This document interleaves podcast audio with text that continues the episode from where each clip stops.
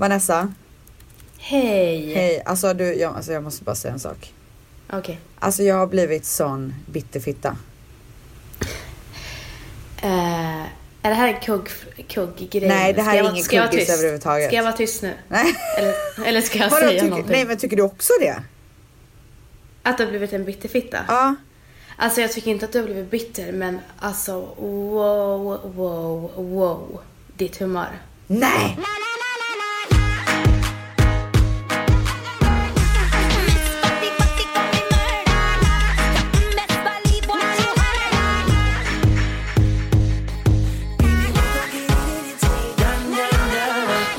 Så här, att vi kan tala om det här när ungen är ute. Precis som vi gjorde med Virre. Nej men, nej men jag vill faktiskt veta. Jag tycker ju ändå att det är lite roligt. Nej men du är så arg. Är jag? Ja, du är som en tickande bomb. Nej! Ja. Åh gud jag hade ingen aning.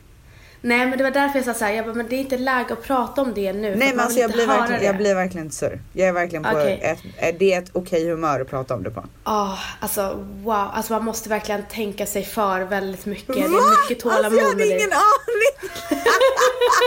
alltså jag hade inte det blekaste. Alltså jag trodde typ att jag var så här bra i min graviditet. Ja men det, det, det var det jag misstänkte. Alltså jag hade inte den, in, Manny tycker inte heller att jag är speciellt grinig och sådär. Nej.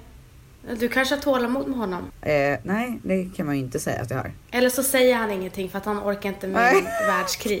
Men Precis vadå, som att... ge mig exempel. Nej, men alltså, nu, nu kommer jag faktiskt inte ihåg något eh, exakt exempel, men du är snappig liksom. Jag måste till, liksom ta ett andetag så att jag inte snappar tillbaka eh, för att ta Alltså, hänsyn till va? att du är gravid. Alltså ja. det här är sån nyhet för mig. Ja, men det var det, det var det jag misstänkte för att man, man tänker inte på det liksom. Alltså det här är Eh. en sån chock för mig. Ja. Jag trodde att jag Nej. var så här relativt harmonisk typ. Nej men vi pratade om det här på dopet faktiskt. Har ni gått och Eh, pratat bakom min rygg om nej, hur arg pratade, jag är? nej, vi pratade inte bakom din rygg. Utan det var, vi, bör, vi började prata om det här. Förlåt, vilka, Jävla vilka är branden vi? i- Du, Va? Vera och Nathalie, har ni stått och pratat om mitt humör? Nej vänta, stopp. Jag, eh, vi pratade om branden. Alltså det här är så I obehagligt. Ja men det var faktiskt inte okej. Nej men det kom upp Ja. på tal. Eh, och då sa jag så här. Eh, det, att, att, att det var som en tickande bomb. Men att vi tar den diskussionen när ungen är ute. Precis som vi gjorde med Virre när ungen var ute. Men vadå, kommer jag få en utskällning eller kommer ni skratta åt det? Vi kommer skratta åt det. Okej, ja det var skönt Alltså vi kommer driva men, om det precis. Men vadå, kan du säga? Alltså det här, det här är så sjukt. Alltså jag är så delusional för jag har inte förstått någonting. Nej, du, nej men du, du, alltså nej men det, så är det i alla fall. Men det känns ju lite konstigt att du inte kan ge ett enda Jag blir lite exempel nervös jag... för att prata om det här, för jag vet inte när du kommer snappa, för du säger Nej att men säger gud, man... alltså så... Men gud det kan ju inte vara så allvarligt. Fast du sa Att du inte ens vågar prata om det. Men du, men du Men hur sa ju hemsk är jag? Nej men du sa ju själv för två avsnitt sedan att eh, säger man någonting fel så kan det förstöra hela din dag. Alltså förlåt men jag vet inte om jag kan tro på det här för du kan inte ge ett enda exempel på när jag har varit Okej, grinig. men du, du var i din värld, så tar vi det på andra sidan. Nej det här, nu blir jag ju irriterad. Ja, men, ja, jag säger det, så små grejer. Du behöver inte vara så irriterad. Men man blir ju, men vadå okej vänta. Det är som att jag ska säga så här till dig. Alltså du är så jävla sur nu för tiden. Du bara, jaha men gud när har jag varit sur? Alltså, fast nu kommer inte jag på en enda gång. Men vi tar det när du typ är på lite bättre humör. Bara, men jag är ju på bättre humör. Nej men fast jag kommer inte på någonting Okej, nu. men lyssna. Du, eh, jag kommer inte på, men det, du snappar väldigt lätt. Man måste ha eh, bra tålamod med dig. Eh, och sen så är väl din jargong extra hård. Va?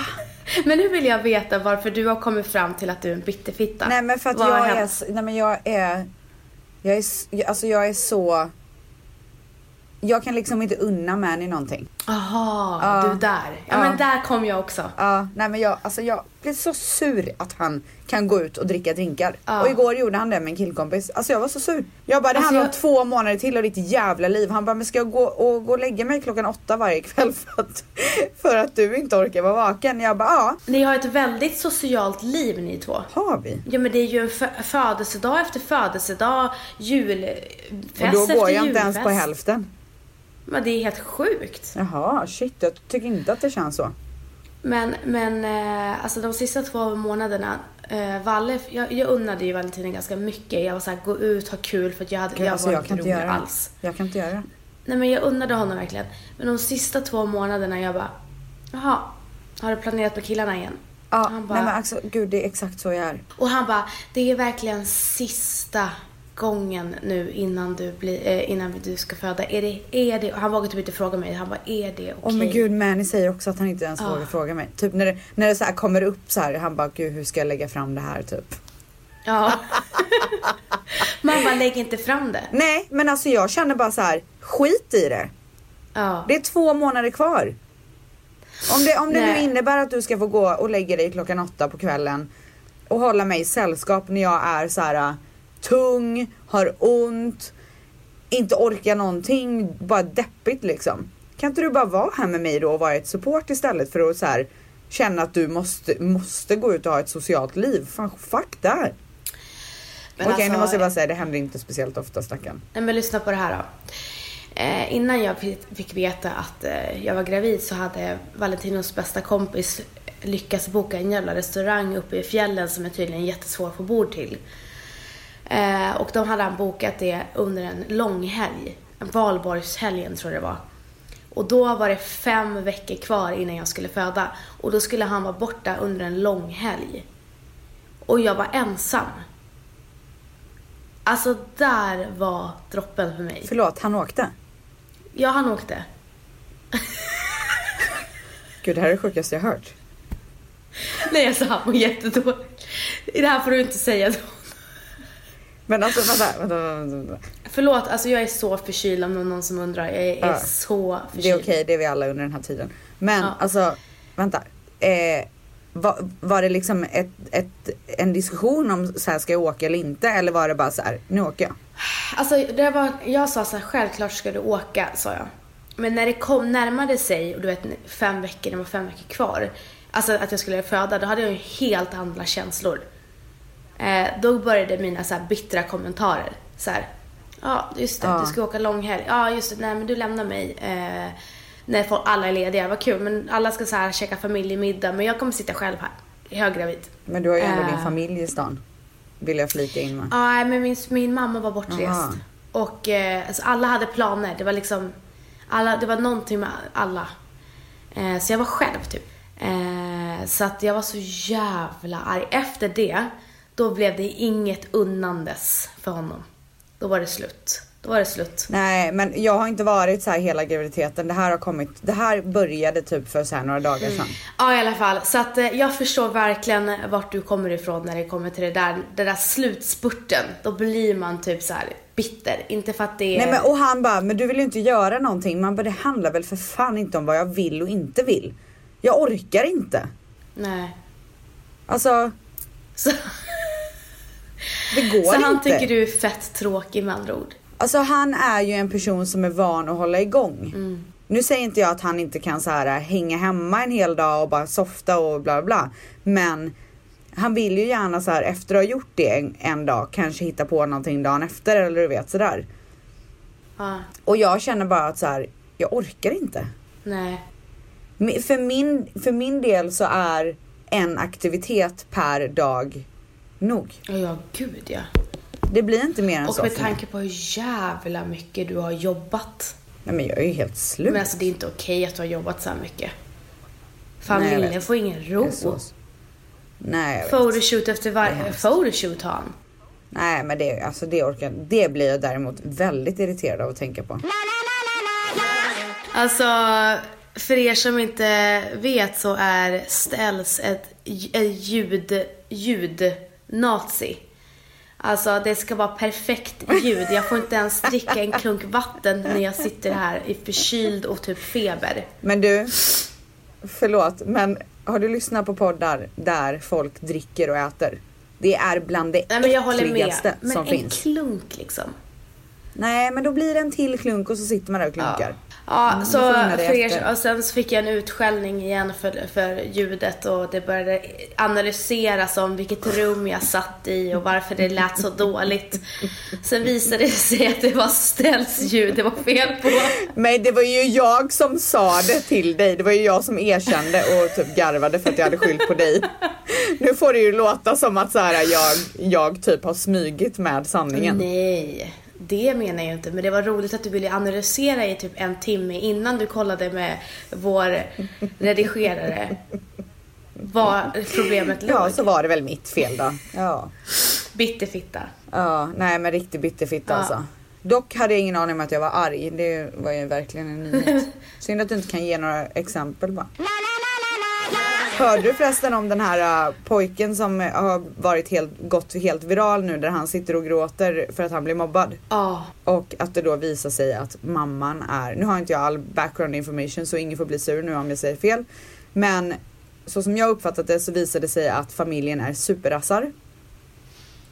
Och att han har blivit mobbad för att han har dels, alltså jag tror att han har blivit mobbad överlag men också för att han har gått runt och kallat eh, de mörkhyade på skolan för nigger. Mhm. Eh, och sen så finns det även en bild som cirkulerar där de står och eh, hela familjen står med typ två stora så här rasseflaggor. Och att hon då har startat ett GoFundMe-konto. Och, eh, fan. alltså ett? GoFund-konto. Alltså ett, kon- Ja. ett konto som folk kan sätta in pengar på. Jaha. Som man kan göra när någon är sjuk och man inte har råd med vård eller du vet någon katastrof eller någonting sånt där. Ja. Och då har hon liksom lockat folk till att sätta in pengar på det här kontot. Så hon är uppe i så här 50 000 dollar som är typ 400 000 svenska kronor. Ehm, För att stötta vad då? nej, exakt. Och då är det en, en eh, stor artist eller vad det nu är som har ifrågasatt henne. Men varför, varför vill du ha pengar? Ditt barn blir mobbat, det har ingenting med pengar att göra. Nej. Du har alla världens artister och stjärnor som öppet gått ut med att de stödjer din son och du försöker eh, dra nytta och försöker få pengar av det här. Men Så det de stoppade sjukt. ju kontot. Men, men, men, men vad, vad stod det i beskrivningen? Jag har ingen aning, jag har inte gått in och kollat. Så folk bara liksom eh, skick, bi- bidrog med pengar utan att Ja. ens veta varför? Det blir sån jävla Så hype den här liksom. lilla killen, han har blivit mobbad för att han har kommit med rasistiska Alltså kommentarer? det, jag tror bara att det är en del av mobbingen. Det kanske, var, det kanske är så han har blivit lite så hatad på skolan eller någonting. Jag har ingen aning och jag vet inte om det är 100% sant heller. Det här är vad jag har hört. Mm. Eh, men den killen är ju stekt nu liksom. Den här lilla killen som blir mobbad har blivit så utnyttjad av sin mamma och han kommer inte ha en chans i den skolan längre. Alltså så jävla hemskt. Vilken vidrig morsa. Och du vet det var så innerligt när han satt och grät in i kameran och bara men varför gör de så här? Jag förstår inte. Ja, Stackars nej jag pojke. såg det. Ja. Jag såg det. Men jag visste inte bak- bakgrundshistorien. ja, jag blir så ledsen. Det har verkligen blivit viralt överallt. Nej men alltså alla har ju lagt upp det där. Jag visste inte att kändisar hade... Nej men Rihanna, alltså varenda kotte typ. Justin Bieber, Ja. Rihanna. Vilka var det mer? Det var typ alla. Men hon fick inte cashen i alla fall. De kanske fick det som var insamlat hittills typ. Det är ju, vi fick, jag, har glömt att ta upp den eh, frågan men jag så det damp ner någonting eh, eh, på min DM. Eh, hur du och jag ska typ ta ställning, hur vi ska uppfostra våra söner så att inte de typ sex trakasserar och vet gränserna till eh, hur man ska behandla kvinnor. Eh, hela den här metoo-vågen, så här, hur ska vi göra med våra söner för att eh, förhindra att de beter sig så och inte kan gr- hitta sina gränser. Jag har du kommer tänkt? Ju, ja, det har, jag kommer ju gå ja. in för att min son ska bli en tafsare.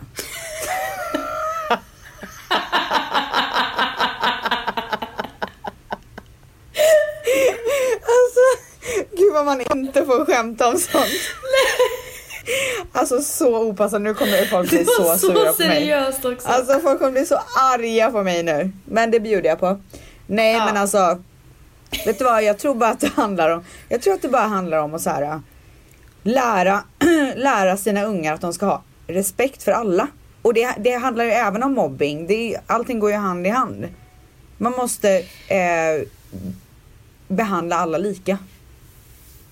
Men alltså jag tror att eh, pappan eller, eh, alltså, har en väldigt viktig roll där. Hur, eh, eller hur man, nej inte bara pappan, hur man respekterar varandra som föräldrar i ett äktenskap. Barnen ser ju liksom, hur är mamma mot pappa, hur är ma- pappa mot mamma. Ba- Bara därifrån så lär man ju sig hur man ska behandla en kvinna versus en man liksom. Eh, Så jag tror att det har en jättestor roll där, i hemmet. Eh, Men sen tror jag också, Och- alltså så här, man måste också lära sina barn att vara så gentlemän typ. Mm. Förstår vad jag menar? Och nu, det- ja det kanske är en genusfråga att man så här fokuserar på männen men det är ju faktiskt männen hela metoo-vågen handlar om. Hur de Ja. behandlar tjejer. Ehm, och det grundar sig ju i att de här männen inte har någon som helst fingertoppskänsla. Exakt. De, och, och också så här så har man ju märkt så jävla mycket i den här vågen att killar har blivit rädda och bara, men vadå, hur ska vi kunna ragga nu? Man bara, men var en gentleman bara. Mm. Så kommer inte du åka på någonting överhuvudtaget. Se Nej, men- till kvinnans behov, vad vill hon? Men det handlar inte om vad ju- du vill. Vi pratar ju om det här i vår chatt och det är så sjukt att vet, jag har inte pratat med det med någon, men jag drog- upp det nu och då hade ju det hänt dig, det hade hänt Nats också. När, när man var liten och gick i skolan och i, vid- i badhuset. Mm. Hur alla killar tafsade på en på badhuset och att man inte liksom tyckte det, alltså man, varför, varför tyckte man inte att det var konstigare än vad det var? Nej men vi sa ju det också att man blev ju typ glad för att man var så här, man fick uppmärksamhet typ. Ja, Man bara, åh gud, Och det är ju sjukt. Vart, vart har det gått fel då i samhället? Alltså det är det. Så att jag tror att det är svinviktigt och eh, som föräldrar att bara visa hur man behandlar sina medmänniskor. Eh, och hur man behandlar Ja, kvinnor. alltså jag, jag Eh. tycker att det, det här är en fråga som eh, man ska ställa överlag. Så här, hur, Mm. hur vill man behandla sina medmänniskor? Inte Exakt. bara kvinnor utan män och killar och pojkar och allting. Man ska behandla alla med respekt. Ja, Det spelar verkligen. ingen roll vad det är för person. Men jag är glad att det här har tagits upp för att nu har det väckt många... Alltså, Eh, förlåt men vad är det som händer i Sverige? Folk får ju sparken och blir anmälda och åker in i finkan till höger och vänster. åker in i finkan. Vem har åkt in i finkan? Nej men det är så många som sitter häktade typ. Det är många som har fått sparken. Det är många Men- stora profiler som har fått sparken. Nej men jag snackade med en, en tv-branschen och hon sa att de, de, det har rensats. Alltså Shit, i, i alltså. tv-branschen. Det har Ja. varit en rensning av dess like i tv-branschen. Så de här gubbbeteendena liksom är out of the door. Ja. Men det är ju bra för den nya generationen för då ser de att så här, gör jag någonting sånt då åker jag dit på det. Miss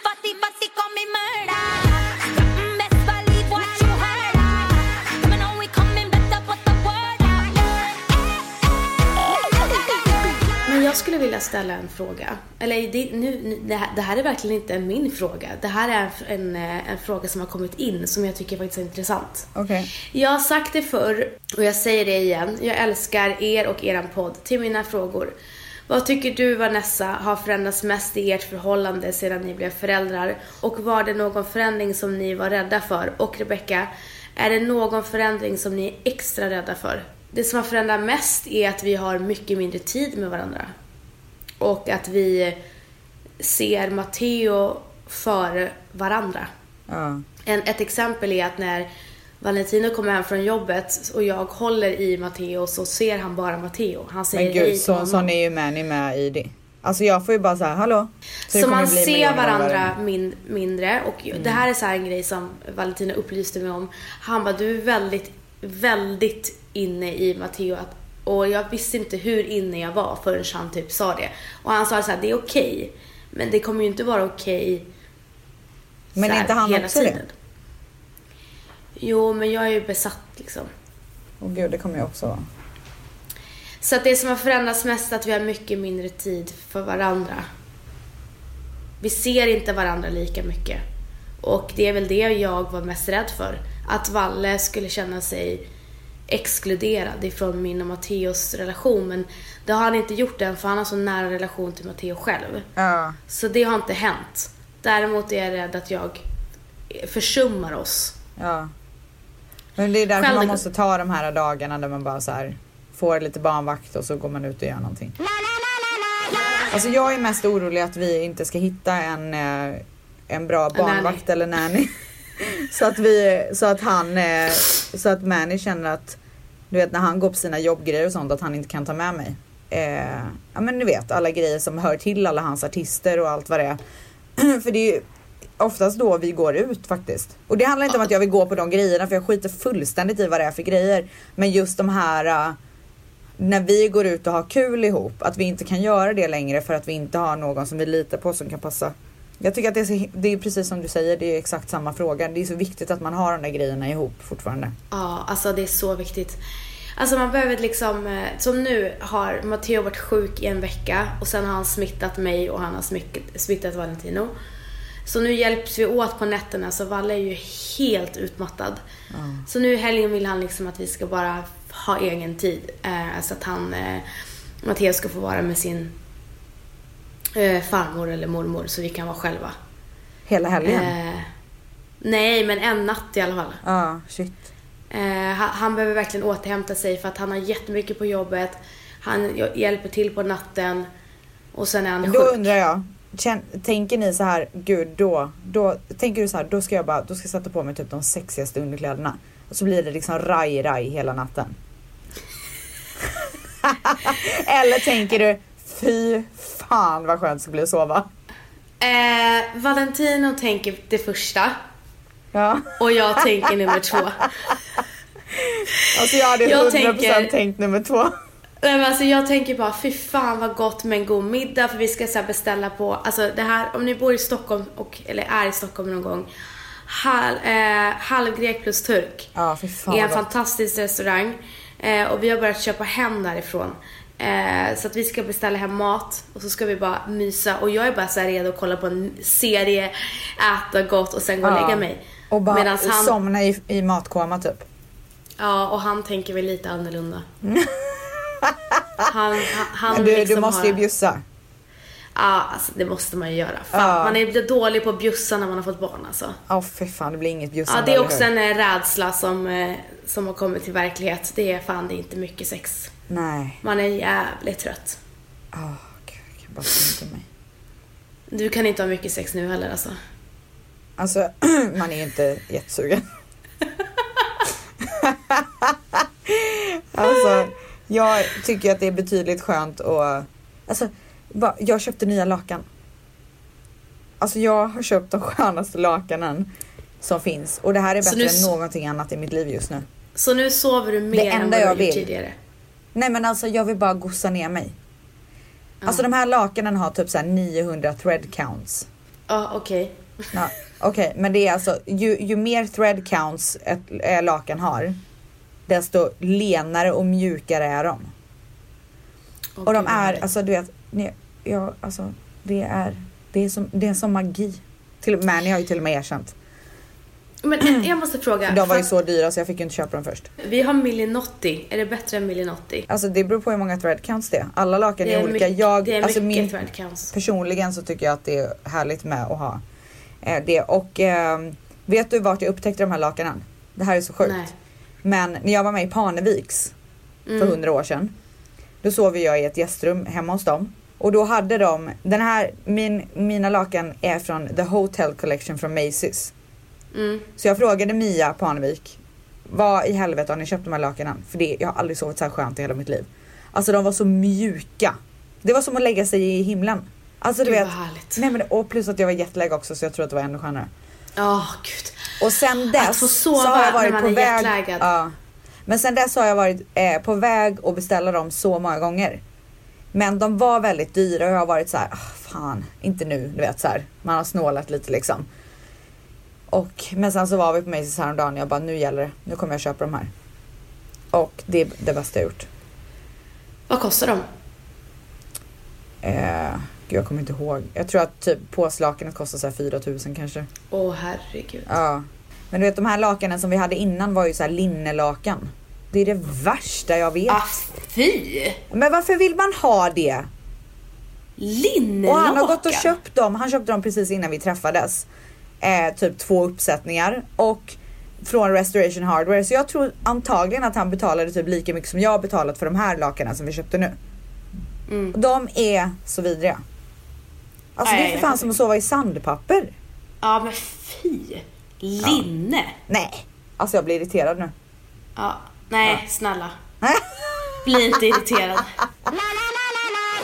Känner ni att ni har uppnått de målen ni vill i livet? Om inte, vad vill ni mer göra? Alltså jag känner att jag inte ens börjat. Gud, jag har ingen aning. Alltså jag är för trött för att tänka på mål just nu. Ska Mitt mål är att få ut den här ungen. Ska vi skita i den här frågan? kan vi ta det i typ så här mars? Kan vi prata om det i mars? Ja. Jag säger så här. Jag har eh, uppnått mycket mål i mitt liv, men jag är långt ifrån klar. Alltså långt ifrån klar. Vad vill du göra då? Men jag är en entreprenör. Jag är så här, jag vill hitta på nya saker hela tiden. Mm. Så att, eh, och sen så vill jag ha fler barn och jag vill köpa större lägenhet och jag vill gå på en yoga-retreat och jag vill bli mer andlig och jag vill bli Åh gud alltså. Det rikare. är så mycket nu. Alltså jag blir Alltså så jag har trött så att mycket det att göra. Jag har så mycket att göra. Ja, du, du måste get to it nu alltså. Men alltså snälla, jag har kommit så långt. Nej men jag pratade om det, fan jag kommer från eh, New York 2014. Jävlar vad jag har åstadkommit i Sverige sedan jag kom. 2014? Mm. Är det så länge sedan? Ja, Shit. Alltså man har ju hunnit med en hel del sedan Ja, man det kom kan hem. man ju lugnt säga. Du kände ju inte en kotte typ. Alltså jag kände dig. Ja. Och du öppnade den där fina, fina dörren som vi pratade om. Den som bara lös på mig. Mm. Ja. Så att jag blev helt bländad. Du bara, gumman du är på väg åt fel håll. Gå Ja. den här vägen och så Ja. öppnar du dörren och det bara, alltså det bara. Hoppa in här nu bara. Alltså jag såg ingenting. Jag, bara, jag såg bara framgång. Ja. Och här alltså, sitter du. Det var toppen. Men det har inte varit toppen hela tiden. Men eh, 2015 var ju ett extremt tungt år för mig. Eh, det var ju, då hade ju vi startat vårt bolag, du och jag. Och sen mitt i allt det så gick min eh, pappa bort. Mm. Alltså det är så sjukt. Mitt i allt. Sjukt att du orkade hålla uppe allting.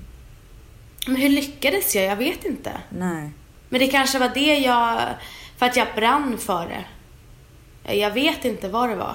Det var bara, jag tror bara att det var så naturligt för dig. Att det var det här, det är det här jag ska göra så att så här, det var inte kanske jobb 100% utan det var någonting som bara fanns där. Förstår du vad jag menar? Ja, men det som, eh, det som jag tycker är så jävla tråkigt är att eh, pappa aldrig fick se min framgång. Men vet du vad? hade- Jag tror inte att han är ens, eller var, eller är ens en procent fundersam över så här. Undrar om Vanessa lyckas eller inte. Jag tror att så här, om, om du hade fått visa det här för honom så hade han bara, ja, vet jag väl. Förstår du vad jag menar? Men du vet, han var så orolig för mig i New York. Så här, vad ska det bli av henne?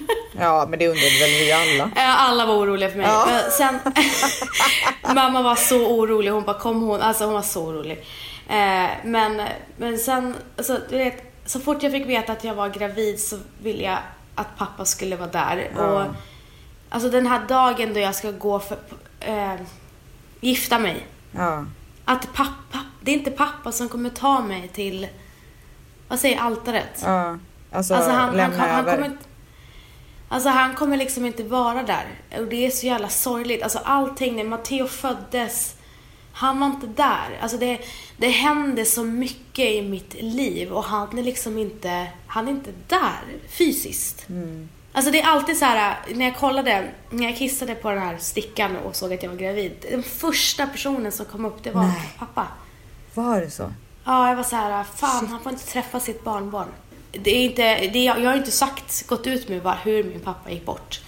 Eh, men vi har fått väldigt mycket eh, mail och sånt om psykisk ohälsa. Eh, och det är precis det som eh, skedde med min pappa.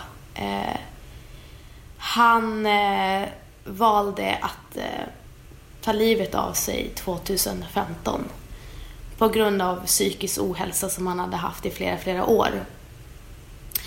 Och jag... Alltså, det är så hemskt det som har hänt alltså, i samhället. Det, är så här, det har blivit som cancer. Men det är nästan, alla man pratar med om det säger att ah, jag har en vän som har gjort det eller jag har en, min kompis lillebror. Det är så himla mycket runt omkring en. Och det är så jävla sorgligt att, att det kommer till den här gränsen att man väljer att jag vill liksom inte leva längre. Och det är så jävla sorgligt. Och jag kommer ihåg, eh, jag var så... Det är ingen som förstår förrän man är där själv. Alltså, jag kände mig så ensam. Alltså jag kände mig, fast jag hade Valentin och hade mina vänner, jag kände mig ensammast i hela världen. Och jag Varför minns då? att jag gick... Det kändes som att ingen förstod mig. Ja. Det kändes som att mitt liv hade stannat, men alla andras liv fortsatte. Så säger Eh. de mesta som man pratar med om det. Ja. Det var en, alltså de flesta på sin höjd sa jag beklagar sorgen och sen gick de vidare i livet. Ja. Eh, men för mig var det inte så liksom. Det var en ständig kamp.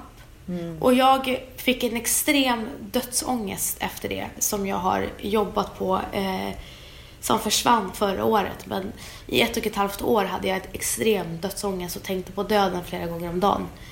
Eh, Som men jag utvecklades på grund av hans död.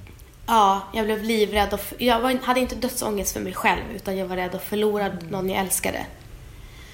Eh, och jag minns att jag gick runt Djurgården och bara grät och grät och grät och lyssnade på Vanessa Falks eh, låt som hon har skri- skrivit för, till sin lillebror som tog livet av sig. Eh, och nu kommer inte jag på vad den låten heter. Är det inte Hurt? I take a bullet through my heart every morning when I wake up. I had a dream that you were here, and I don't ever want to wake up. Alltså hon satte ord för mina känslor. Och den var liksom Och bara gud, på. hela kroppen. Och jag skrev till henne den dagen. Jag kände, jag kände inte, alltså jag kände inte henne så jättebra, vi är bekanta. Och då kände vi inte varandra alls bra, men jag ville bara att hon skulle veta det. Att alltså den där, den där låten satte så, alltså verkligen ord för mina känslor. Och det betydde så mycket för mig, den där låten. Så att jag försökte bara, alltså det, man måste även förstå dem runt omkring. Man, jag blev ju, jag kommer ihåg att jag blev besviken på vissa så här.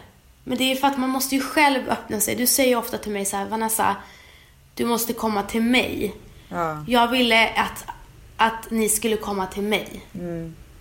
Och det var inte så. Ehm, men det är någonting man får kommunicera. Eh, och jag har pratat med flera som har förlorat någon och de säger det att hellre fråga en gång för mycket typ hur mår du, hur går det? Än att tro att man vill vara för sig själv. För man vill inte det. Man vill bara ha alltså typ all kärlek och stöd liksom. Uh, och det är därför jag blir så himla ledsen när jag ser folk uh, runt omkring mig må dåligt och till exempel eh, Bianca nu som har gått ut med att hon har uh, panikångestattacker och mår jättedåligt och det ger mig såna jävla flashbacks. Mm. När hon pratar om att hon får yrsel, att hon börjar se dåligt. Det är såna grejer som min pappa hade. Och det är unga, unga människor idag, det är så här om inte du gör någonting idag, din depression kommer of, oftast i medelåldern. När typ barnen har flyttat hemifrån och liksom du, ja men du vet, är i medelåldern. När blev din pappa sjuk? Alltså pappa har ju haft ett extremt tufft liv. Han förlorade sin pappa när han var 18 år eh, i en bilolycka. Och sen så har han inte haft en bra uppväxt. Och sen så har han haft liksom problem hela sitt liv. Så han har ju aldrig handskats med sina problem. Men eh, sen har jag förstått nu att han mådde ju inte bra under min uppväxt heller. Men jag såg inte det på det sättet då. Nej. Eh, Hur har du förstått han- det då? Jag kommer ihåg nu typ. Jaha, var det därför han satt apatisk i köket och inte fick ut ett ord. Jaha, var det därför han låg i sängen och typ svettades för att han var på eh, avgiftning på de här antidepressiva eller vad fan det nu var eller ny, nya tabletter. Jag fattade inte, alltså jag, Nej men de ville väl skydda dig inte. från det också. Ja. ja. Exakt, de ville skydda mig och, jag, och min psykolog sa till mig att dina föräldrar har skyddat dig för mycket, ja. sa han. Du har, eh, du har blivit för skyddad. Eh, så att eh, jag minns 2011, eh, min pappa försökte ta livet av sig 2011. Eh, och eh, han tog sömntabletter. Och det gjorde han också nu 2015 när han gick bort. Jag var i Singapore och jobbade och så ringer jag honom och frågar hur han mår. Och jag visste liksom inte hur läget var och hur illa det var. Men jag kommer aldrig glömma det när jag frågar hur han mår och han säger eh, Varje dag jag vaknar är jag besviken på att jag fortfarande andas. Oh,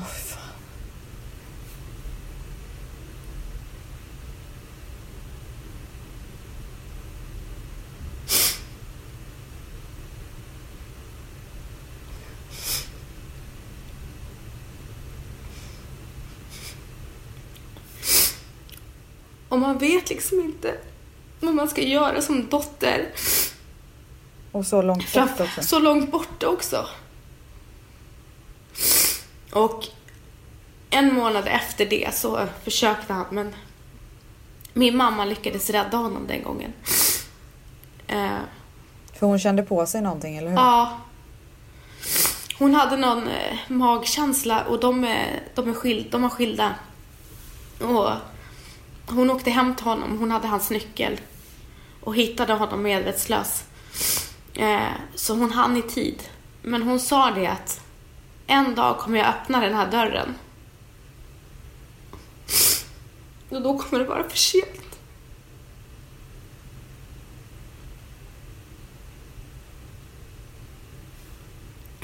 Så vi visste ju att det skulle hända. Eh, vi visste bara inte när. Har du känt liksom från sen dess att du har gått runt och väntat? Ja, det är så jobbigt, du vet. Eh, att sista gången så jag såg honom var ju med dig. Hos min, eh, hos min eh, mamma. Ja. Och eh, vi skulle hämta upp honom från hans lägenhet och han kommer ner för backen och han var så gullig på Han var slutet. så glad. Han var så glad och Och gullig. Han, var, skämtade han, och... han såg ut som en liten buddha liksom. Han Ja. klädde sig väldigt så. Han, han är väldigt, vad heter det, spir, alltså spirituell och hänger i Indien och är väldigt så här udda på sitt sätt. Och jag såg honom så här skrattandes ner och, och han såg verkligen ut som en liten buddha och jag sa så här, tänk om det här är sista gången jag ser honom. Eh, eller jag hämtar honom. I han, t- Tänk om det här blir sista gången jag hämtar honom. Och det blev sista gången. Eh, och det är så sjukt att du sa att du kände på dig att det var typ dags liksom. Och det går inte att stoppa för att har de bestämt sig, liksom det... Han ville ju verkligen inte vara kvar. Han Nej. ville ju verkligen, verkligen inte. Nej. Och det var ju, han har mått dåligt i så många, många år och sen så var det ganska lång tid mellan det att han försökte ta livet av sig första gången till när han faktiskt gjorde det. Ja. Ja, alltså han levde ju bara för, eh, för oss. Ja. Men jag är glad att han fick, eh, när han, eh, när mamma hittade honom första gången så sa han att, till sjuksköterskan, jag visste inte att min exfru skulle bli så här ledsen. Jag visste inte att hon skulle ta, ta det så här. Och jag är så glad att han fick se det. Att mamma brydde sig. Och jag vet att han levde för mig och, och min syster och min mamma eh, sista åren. Men hur länge kan man hålla kvar någon som inte vill leva längre? Nej. Jag, alltså, jag, jag kan inte sätta mig in i en person som lever i ständig ångest, i ständig depression. Jag, man kan inte förstå Som den inte vill personen. vara med om någonting, som inte vill Nej. göra någonting, som inte... Eh, som Som liksom har inte vill leva. Tappat livsgnistan helt. Mm. Det enda jobbiga var att vårt sista samtal blev jag arg på honom för att han sa Eh, jag orkar inget mer. Då blev jag arg för jag kunde inte hålla kvar, hålla det här positivt. Hade jag varit positiv så länge, så här, försökt hålla honom positiv. Och till slut jag bara så här, pappa, jag vill inte höra det här. Jag vill inte höra det här. Eh, så att vi la på, jag var så att, irrit arg på honom. Eh, och det var vårt sista samtal. Men det förstår ju han att du var frustrerad. Han, han, Ja. han, det finns ju inte en chans att han la på det samtalet och tänkte gud vad hon är sur. Eller varför Nej. vill, du vet. Det, Nej. Alltså han sa så här, du, det sista du, hoppas jag inte att du går vill. runt och tänker på det. Nej, utan han sa så här, han bara, det sista jag vill är att vara en börda för dig och, och din syster. Eh, jag vill, eh, det, alltså han kände ju att han var en börda för oss liksom. Men det var han ju inte. Men det var ju en, alltså, psykiskt påfrestande att alltid vara orolig för att det skulle hända. Därför säger jag bara så här till alla som mår dåligt att det är så jävla viktigt att ta tag i sina problem. Du kanske har inte gått till rätt, alltså du kanske inte är en psykolog du behöver prata med, du kanske behöver gå på KBT eller gå på så här alternativa grejer. Som jag gjorde med min eh, dödsångest. Jag gick på knackning och det är så här man knackar på eh, akupunktur, säger man akupunkturpunkt? akupunkturpunkter. Ja, eh, medans eh, de pratar med en. Eh, Det hjälpte mig jättemycket. Det finns massa olika metoder. Bara man tar tag i sina problem. Man måste prata. Det, alltså ni, ni som säger så här, ja, det funkar inte för mig eller eh, det är ingenting för mig. Alltså 95% av er kommer säga tvärtom när ni har gjort det. Men vad Och ska man göra? Alltså, någonting som jag tänker på också är att när man är sådär uppgiven och mår sådär dåligt.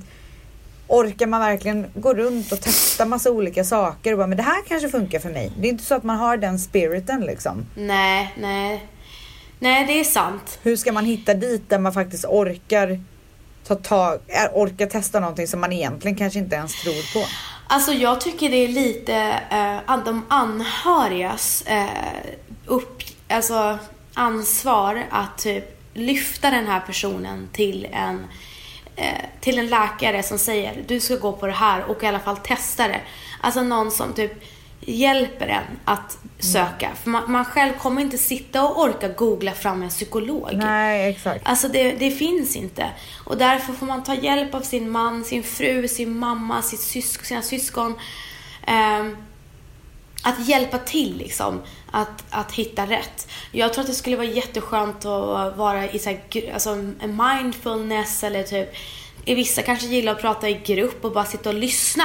Alltså att bara sitta och höra folk För prata. att andra också går igenom Ja, saker. och inte säga ett ord själv. Bara sitta och lyssna. Eh, men jag tror att det är jätteviktigt att man tar hjälp av någon eh, närstående för att det är som du säger, man pallar inte det Man har ingen, alltså jag vet ju själv när jag har mått som sämst, alltså då orkar man ju bara ligga i sängen och inte göra någonting. Ja. Alltså Nej, det men- finns inte en chans ja. att jag i det tillståndet ska ta upp min dator och börja googla olika terapeuter eller, eller alternativa eh, behandlingar liksom. Nej men det är därför det är så himla viktigt. Till exempel nu, jag är ju verkligen alltså, stenhård på att Bianca ska till exempel och träffa någon. Eh, för jag vet att hon orkar inte ta tag i det där själv. Nej. Eh, och då måste man finnas där för dem man står nära. Eh, och, och verkligen så här, vara på. Man, får, man ska nästan vara jobbig. Ja. ja. Man ska inte vara rädd för att vara för på. Men det är det, och det är man oftast. Du gick ju också in i väggen när du höll på med alltså, nattlivet. Ja. Det var ingen rolig historia heller. Nej. Och Det är du så har ju himla inte... lätt att hamna där liksom. Ja, och du har ju liksom aldrig 100% återhämtat dig för att stress gör att du blir... Alltså du är väldigt känslig för stress. Ja, extremt. Och det har jag ju inte varit innan. Nej, och det är ju så här, du blev ju folkskygg. Mm. Eh, det är också en del av det där. Eh, och sen att du... Eh, alltså så fort du stänger in dig när det blir för mycket. Och det är också såna här grejer, så när man har varit utbränd. Det är exakt de där grejerna som händer med. Man blir folkskygg, man stänger in sig, man blir jättestressad och man blir irriterad också när man är stressad. Eh, så det blir så här negativ stress hela tiden. Så det är bara så här... Ta hand om er själva. Det är inte värt det. Det är inte överhuvudtaget och ens hamna där. För att det Nej. problemet är att som du säger, när man väl har varit där, då är det väldigt svårt att bli av med alla de här symptomen. Ja, Så att det, det man ska undvika är att ens komma dit om man kan. ex, exakt. Man ska verkligen, verkligen stanna upp. Alltså stanna upp bara och bara känna så här, nej. Och där har ju vi, det är en mognadsfråga fråga också. Och det, där har ju vi blivit mycket mognare. Men jag vill bara säga så här, tack Vanessa Falk för låten Hurt. Underbara Vanessa. Ja, hon är så fin. Som också har gått igenom så mycket. Ja, fy alltså. Och jag minns någonting som hon sa till mig som jag har tänkt på så jävla mycket som verkligen har etsat sig fast i min hjärna. Hon har ju en, eh, hon hade ju en lillebror som då var hennes pappas son. Så det var ju de två som växte upp ihop. Mm. De har inte, hade inte samma mamma så det var ju liksom de tre. Mm. Du vet som när man är skilsmässobarn, man är hos sin pappa varannan vecka eller vad det nu kan vara. Så att de tre gjorde ju så mycket grejer ihop. Åkte på semester eller bodde ihop. Och, och hon, det hon sa till mig som jag verkligen har tänkt på så mycket det är att så här, hon bara, jag har ingen att dela de här minnena med längre. Usch. Det är som att ingenting av allt det vi har gjort har hänt. För jag kan inte prata med någon om det. Det är inget som jag kan säga, kommer du ihåg när vi gjorde det här? Eller, eller liksom visa en bild och bara, åh den där, den där platsen som vi var på. Eller vad det nu kan vara. Nej men alltså, här, alltså den, den tomheten som hon måste känna. Alltså jag menar när jag träffar min mamma och min syster, jag bara okej nu är vi tre. Alltid ett pussel som saknas. Men när hon, hon, men hon står där själv. Ja, Och det, är liksom, det, det, det är så ofatt... Alltså det är liksom, det går inte att förstå. Och hon är så stark. ja det är ju otroligt alltså. Men du var med varje dag där med hennes pappa. Så det bandet, det, det bandet, eh, det skojar man inte med.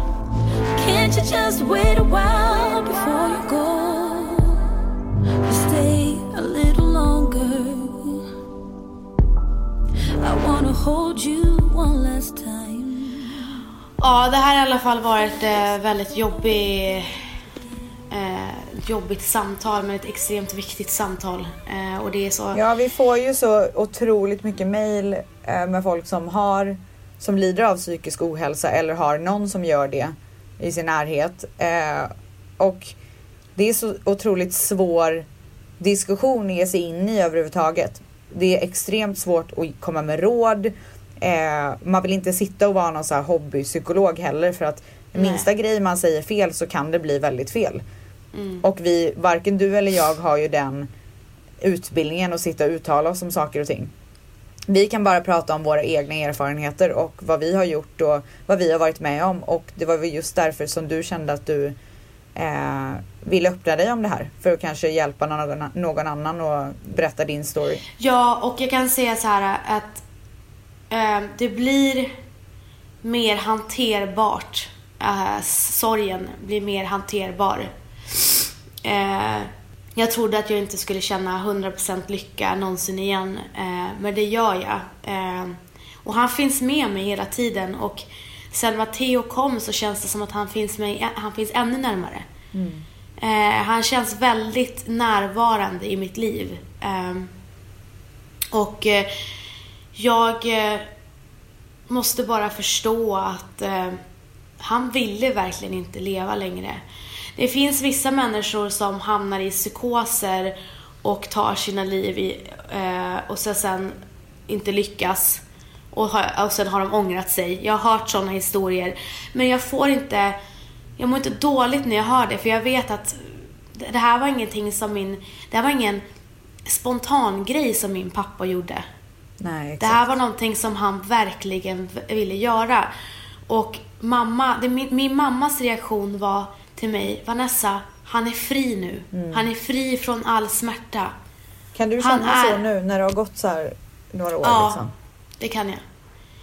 Alltså, min mamma var så här. Hon, hon är så stor i det här. Eh, Mm. Hon är ju också mycket mer spirituell än vad jag är. Hon har kommit längre i sitt medvetande än vad jag har. Men, eh, men jag kunde ju inte förstå först. Jag, jag sa så här.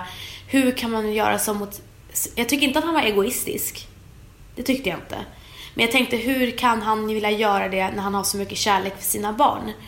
Men när man mår så dåligt, jag har ju förstått det här nu, när man mår så jävla dåligt, då kan man inte tänka, man stänger av. Eh, och pappa blockerade eh, på slutet för att han skulle kunna göra det. Och det märkte man även i hans avskedsbrev. Det var väldigt kallt. Eh, för att han verkligen blockerade att, jag, alltså, han ville, alltså han ville det här. Och jag, jag tänker tillbaka till hon, med honom på bara goda minnen. Eh, jag eh, tänker ofta på det som har hänt. Jag tänker på honom varje dag, men jag tänker på hon- med honom med glädje mer nu. Inte med sorg. Och det är tack vare Matteo. Barn i livet alltså. Ja. Så med det tackar vi för oss den här veckan. Det gör vi verkligen. Och tack Vanessa för att du är så modig och berättar det här. Det tror jag verkligen att många kommer att uppskatta. Tack för att jag fick berätta. No